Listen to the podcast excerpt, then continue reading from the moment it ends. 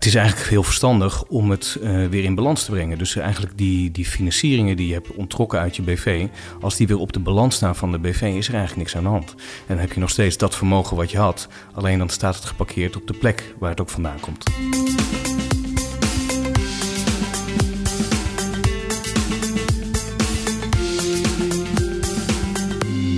Welkom bij deze podcast van Mogelijk het Geld en de Stenen. In deze aflevering bespreken we de wet excessief lenen en wat dit voor gevolgen heeft voor investeerders die een zakelijke hypotheek hebben verstrekt vanuit hun privé, die ze dan nu moeten gaan overbrengen naar hun uh, eh, BV.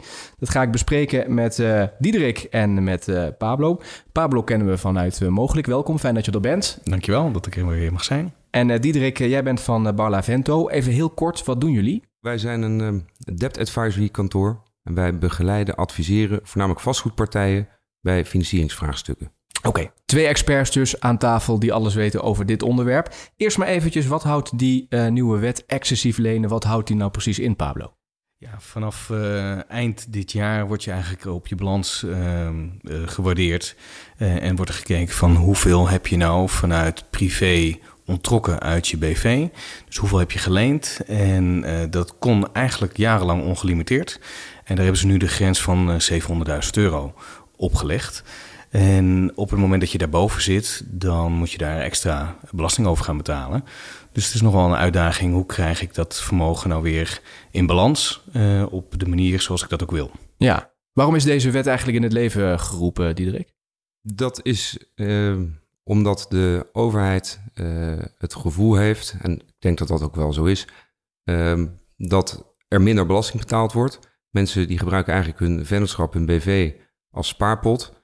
Zij halen uh, centen uh, eruit naar privé om daar vervolgens uh, dat geld te laten renderen in mm. privé. waardoor je in privé een, een, extra lening hebt, zeg maar. Mm. Waardoor je box 3 belasting gedrukt wordt. Um, en in je BV betaal je geen belasting over het geld wat je naar privé hebt gehaald. Dus kijk, anders zou je het in loon of in dividend uitkeren. Hmm. En dan wordt de fiscus daar natuurlijk ook beter van. En dit is eigenlijk een soort manier waardoor je fiscaal handig te werk gaat. Ja, en, en de, vanuit het perspectief van de overheid geredeneerd is dit een manier om in ieder geval, ja, daar in ieder geval ook belasting vandaan te halen. Ja, het aan banden te leggen, dus een grens uh, op die 700.000 euro te leggen, die Pablo net vertelde. Ja. Alles daarboven ga je dus uh, eigenlijk fictief dividend betalen. Of, daar rekenen zij dan fictief dividend over. Precies. Pablo, met wie krijgt er nou met, met deze nieuwe wet te maken? Ja, dat zijn met name uh, ondernemers of uh, oud-ondernemers die hun vermogen nog hebben zitten in een uh, BV. En door de jarenlange fiscale voordelen die er zijn geweest om dat excessief lenen eigenlijk toe te staan, um, moet dat gerepareerd worden. Dus het zijn met name die vermogende partijen die ofwel in vastgoed hebben geïnvesteerd of via een andere manier een zakelijke lening hebben verstrekt. En uh, ja, die staat dan op de balans. Uh, en dan heb je die 7 ton grens uh, aan je broek. Ja, wat, wat gebeurt er als je niets doet? Als je niks doet, ja, dan word je, moet je belasting gaan betalen over het meerdere over die 7 ton. En ja, dat is op zich niet erg, want het feit dat dit wordt gerepareerd is ergens natuurlijk wel goed, want het is jarenlang eigenlijk een paradijs geweest. Uh, ja, het is eigenlijk heel verstandig om het uh, weer in balans te brengen. Dus eigenlijk die, die financieringen die je hebt ontrokken uit je BV, als die weer op de balans staan van de BV, is er eigenlijk niks aan de hand. En dan heb je nog steeds dat vermogen wat je had, alleen dan staat het geparkeerd op de plek waar het ook vandaan komt. Dus in zoverre is het ook verstandig om, dat, om er iets aan te doen. Precies, en wat je kunt doen, daar gaan we het zo meteen over hebben. De vraag is ook nog eventjes, wanneer moet je in actie komen? Of moet ik, moet ik zeggen, voor wanneer moet je in actie komen? Ja, nou, het is zeker verstandig om nu in actie te komen. Want aan het eind van het jaar wordt er balans opgemaakt. Hè. Men kijkt gewoon wat staat er uh, op je jaarrekening, op je IB uh, per datum uh, 31-12. nou, dan kan je denken van 30-12, dan heb ik ook nog wel tijd. Maar zo werkt het niet. Er zijn echt wel partijen die voor je aan de gang moeten. Bijvoorbeeld een notaris of uh, andere partijen. Nou, gun die ook de gelegenheid. Dus het is echt wel verstandig om nu in actie te komen. Precies. En even voor het tijdsbeeld. We nemen op eind oktober. Betekent dus dat je nog nou ja, een kleine twee maanden eigenlijk hebt uh, om, uh, om echt in actie te komen. Ja, precies. Wij hebben daar een faciliteit ook met onze huisnotaris voor ingericht. Dus de partijen die dat via ons willen doen, die een hypotheek hebben verstrekt vanuit privé, maar dat geleend hebben vanuit hun BV, die stellen we in de gelegenheid om nu in actie te komen. Ehm, de notaris staat klaar en dat kunnen we dus het eind van het jaar allemaal regelen. maar daar hebben we natuurlijk wel even tijd voor nodig. Ja, eventjes, daar word ik maar meteen heel praktisch. Hoe lang duurt het zeg maar om stappen te zetten en, en zaken dus te repareren, zoals jullie het noemen? Ja, dat ligt een beetje aan de situatie af. Hm. de, de, de situatie die ik het best kan omschrijven is het feit als er geleend is vanuit de BV en met het privégeld een hypotheek is verstrekt, hm. Via mogelijk of via een andere partij. Dat is de eerste optie? ja, dat is een van de opties waardoor je vermogen hebt onttrokken uit je BV. En die situatie die is relatief makkelijk te repareren. Daar hebben we geen transactie voor nodig, want uh, de hypotheek staat op jouw privé. Die moet eigenlijk op de naam van jouw BV staan. Dan is die rekening-courantverhouding weer oké. Okay. Uh, daar heeft de notaris feitelijk een akte van sessie voor nodig.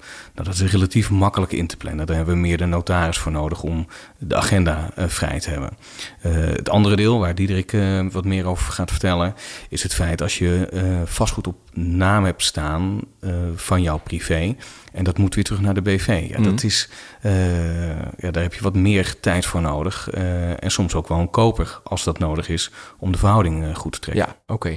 Laten we kijken welke stappen je moet zetten. Dan begin ik eventjes met de situatie die jij net hier op tafel hebt gelegd, Pablo. Wat is belangrijk in die casus?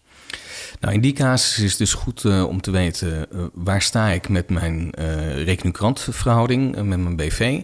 En ehm, wat het is vaak niet het enige postje wat, je, wat is verstrekt met geleend geld uit de BV. Het is vaak een mix van direct vastgoedopnaam, privé geleend uit de BV of een zakelijke financiering verstrekt. Je ziet vaak ook nog dat de eigen woning is gefinancierd met vermogen uit de BV.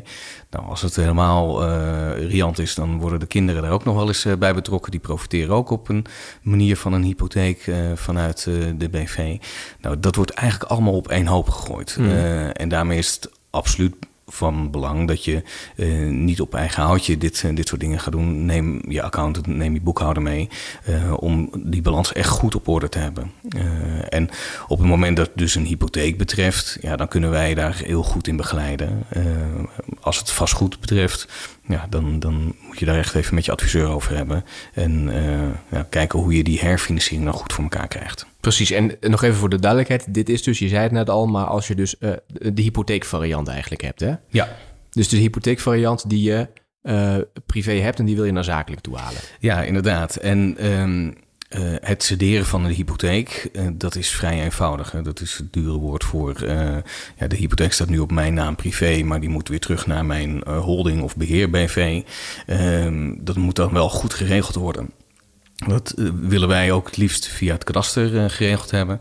Omdat uiteindelijk wil je de uh, stroom van gelden ook weer goed hebben staan. Mm. Dus op het moment dat wij de hypotheek maandelijks incasseren. Dat is een van de faciliteiten die we hebben van, van mogelijk.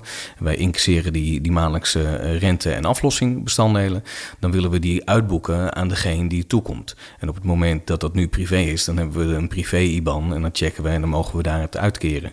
Wij kunnen niet zeggen van nou gaan maar vanaf december uitkeren naar mijn BV. Want uh, onderhands hebben we dat uh, geregeld. Nee, wij kunnen dat niet. Wij willen echt uitkeren aan degene uh, op welke naam de hypotheek staat.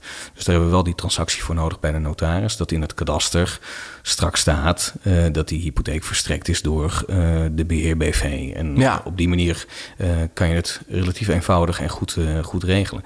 En dan is als jouw uitstaande leensom 4 ton is, is opeens die 4 ton ook meteen weer op het plekje waar je hem wil hebben. En dan uh, kan je je balans uh, goed, uh, goed reconstrueren. Ja, belangrijke punten zijn dit. Dankjewel voor de toelichting daarvan. Dan, Diederik, gaan we naar de situatie toe die jij gaat uitleggen. Schets nog eventjes het scenario waar jij dieper op ingaat. Ja, er zit een ehm, geld in de vennootschap. En dat wordt doorgeleend aan privé. Ehm, en dan moet ik Pablo, eh, misschien legt hij het net eh, niet goed uit, of begreep ik het verkeerd, maar aanvullen of corrigeren misschien. Dat als je het leent voor aan privé leent en je gaat er een woonhuis verkopen voor jezelf, dan valt het buiten de lening eh, of buiten de wet excessief lenen. Ehm, maar ga je er ehm, met die centen die je vanuit je vennootschap naar privé hebt gehaald, koop je daar een beleggingspand voor, dan valt hij er wel onder. Mm. Ja. Dus dat is een belangrijk onderscheid dan wel te maken. Ja. Nou, dat is ook uh, terecht hoor, dat je dat uh, aanvult, Diederik. En daarom probeerde ik ook aan te geven, neem dat in overleg met je boekhouder en, uh, of je accountant.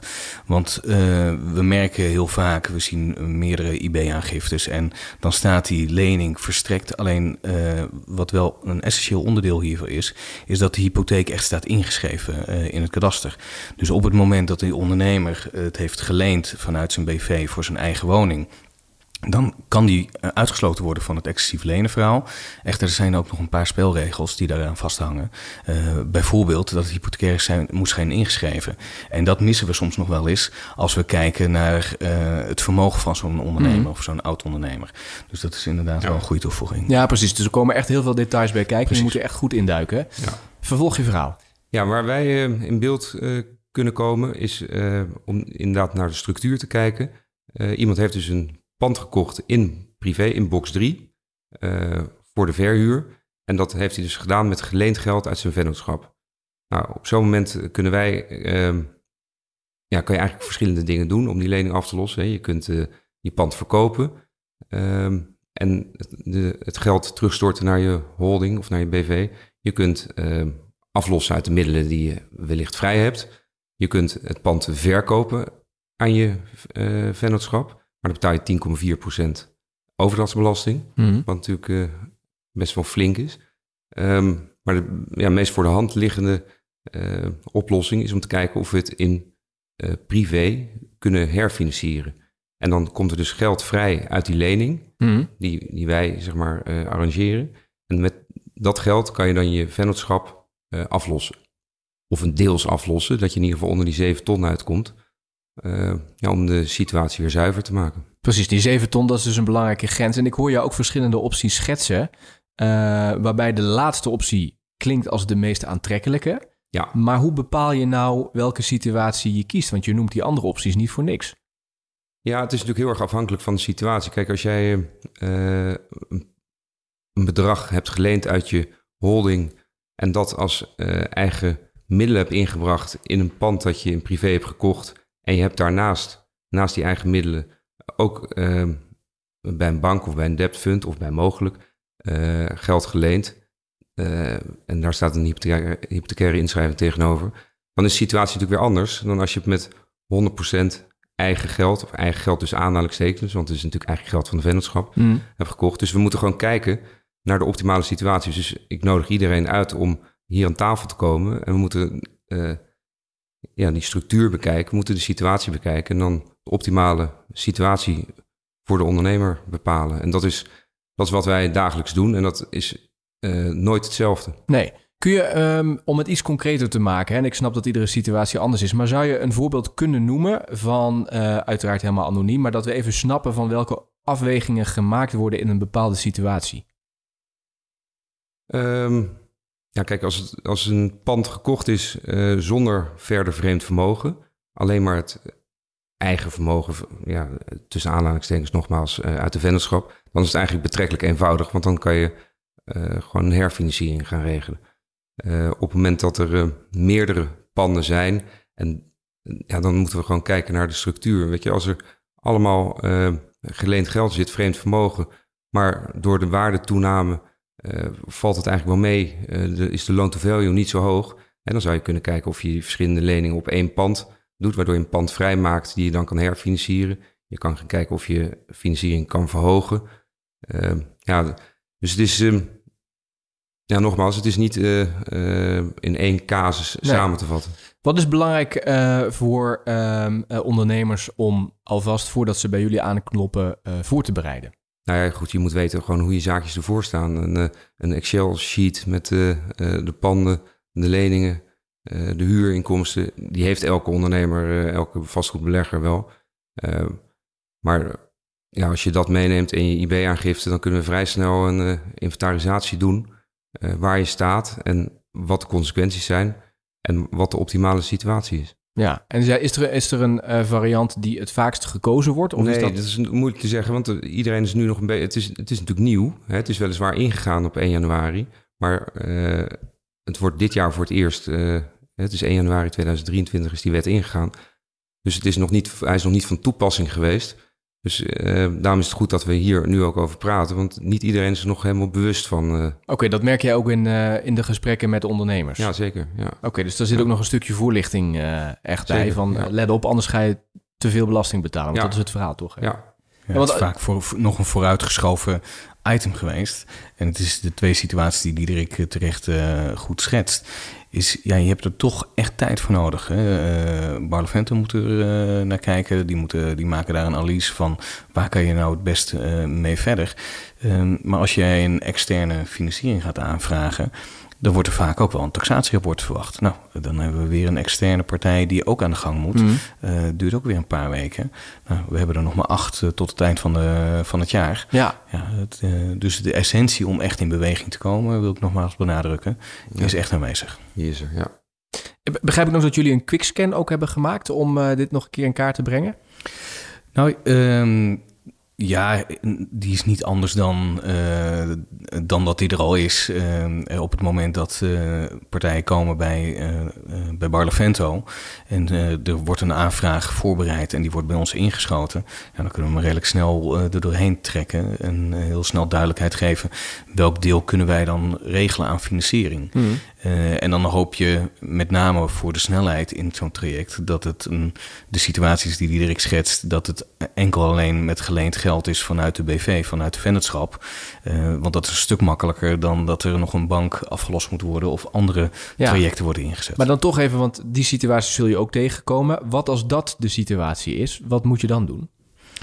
Ja, dan, dan is het op het moment, je bedoelt op het moment dat er wel een bankaire financiering ja. ook nog is. Of andere partijen waar je geld van hebt geleend? Ja, dan is het echt wel goed om die, die, hele overview te hebben. Want dan heb je misschien wel vijf, zes panden. En uh, de vastgoedbelegger die heeft uh, jarenlang geprofiteerd van uh, de situatie zoals die was. En je zag vaak dat het ook een snel, sneeuwbaleffect is. Van met geleend geld maak je meer geld en de hefboom. Maar het is altijd zo vervelend dat het in uh, de snelheid vooruit anders werkt dan de snelheid achteruit.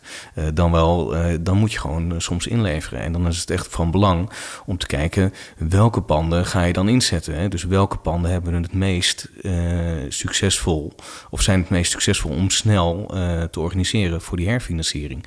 Dus als je er zes of acht hebt, je hoeft ze niet misschien allemaal te herfinancieren, want je mag nog steeds onder die 7 ton ja. prima blijven. En een beetje erboven is ook wel oké, okay, maar hou dan rekening dat je wat uh, belasting moet betalen. Dus het is echt een, een puzzeltje die je dan uit moet zoeken. En stel dat er twee, drie echt aantrekkelijk en courant zijn, ja, dan kan je daar uh, het beste mee beginnen. Ja. Diederik, hier nog iets op aan te vullen? Nee, maar dat is precies de inventarisatie die, die wij hier kunnen hmm. doen. En uh, die Excel-sheet waar ik net over had, daar begint het al mee. Van wat is, hoe groot is de portefeuille? Wat is daarop gefinancierd? Uh, wat is de waarde? En ja, dan gaan wij het, uh, het puzzeltje leggen, in, in overleg met de klant uiteraard. Uh, en dan moet inderdaad het taxatierapporten komen, of rapport of rapporten. Dus nee, dat is helemaal waar wat Pablo zegt. Ja. ja.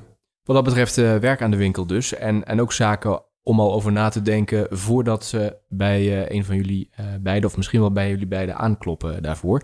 Um, nog iets wat je wil uh, meegeven waarvan je zegt, hou dat in ieder geval in het achterhoofd als je hiermee aan de slag gaat, Diederik. Wat belangrijk is om als recap van deze aflevering te onthouden. Nou, het belangrijkste is laagdrempelig contact opnemen met ons. En als je het zelf ingewikkeld vindt of niet begrijpt, dan nemen wij je aan de hand. Um, want uiteindelijk is het het verhaal en het is de casus van de ondernemer. Het is niet mijn casus.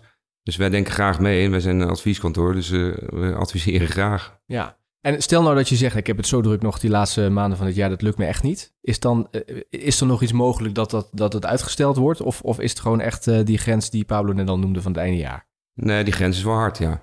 ja. Oké. Okay. Pablo, wat wil jij meegeven wat we moeten onthouden? Nou, ik hoop echt dat uh, mensen die het luisteren en denken van... oh, dit gaat misschien ook voor mij gelden, uh, kom in actie... en uh, zoek ook die samenwerking op met een financieel adviseur. En wij merken gewoon bij mogelijk als de dossiers via Bartlevento uh, komen, ja, dan zijn ze strak gestructureerd. Dan zijn ze meteen voorzien van ja, ook een idee erachter. En uh, we werken al heel lang samen met elkaar. Uh, we vinden nog steeds dat we te weinig dossiers krijgen van Barlevento, maar dat is een andere discussie. Nee, ja. even zonder gekheid. Kijk, zij hebben wel de toegevoegde waarde voor de klant om uh, vanuit de panden die in portefeuille zijn, om de beste oplossing te zoeken. daar hopen we dat we altijd bij zitten. Maar soms is een ander traject en sneller en goedkoper voor de klant. Dus natuurlijk kunnen mensen ook direct naar ons komen. Maar ja, ik denk dat echt de toegevoegde waarde voor die partij is om met een Barlovento in conclave te gaan en ja, dat hele overview te krijgen en dan op snelheid te kunnen acteren. Wij merken in ieder geval dat dossiers er bij ons sneller doorheen gaan als er een adviseur bij betrokken is. Kijk, dat is mooi om te horen. Um, als dit nou allemaal te snel voor je ging, dan zetten we alle informatie ook in de show notes van deze podcast nog een keer op een rijtje, zodat je het rustig nog een keer kunt nalezen, net zoals de contactgegevens van jullie beiden of van jullie collega's, zodat het doorgesproken kan worden. Dank in ieder geval beiden voor uh, jullie uitleg. Graag gedaan. En als je meer wilt weten uh, over dit onderwerp, kijk dus op uh, de websites die je vindt in de show notes. En luister naar de andere afleveringen van deze podcast. Het geld en de stenen van mogelijk vastgoedfinancieringen. Je vindt de podcast in je podcast-app en vergeet je dan ook niet te abonneren, want dan krijg je vanzelf een seintje als een nieuwe aflevering weer online verschijnt. Bedankt voor het luisteren en heel graag tot de volgende keer.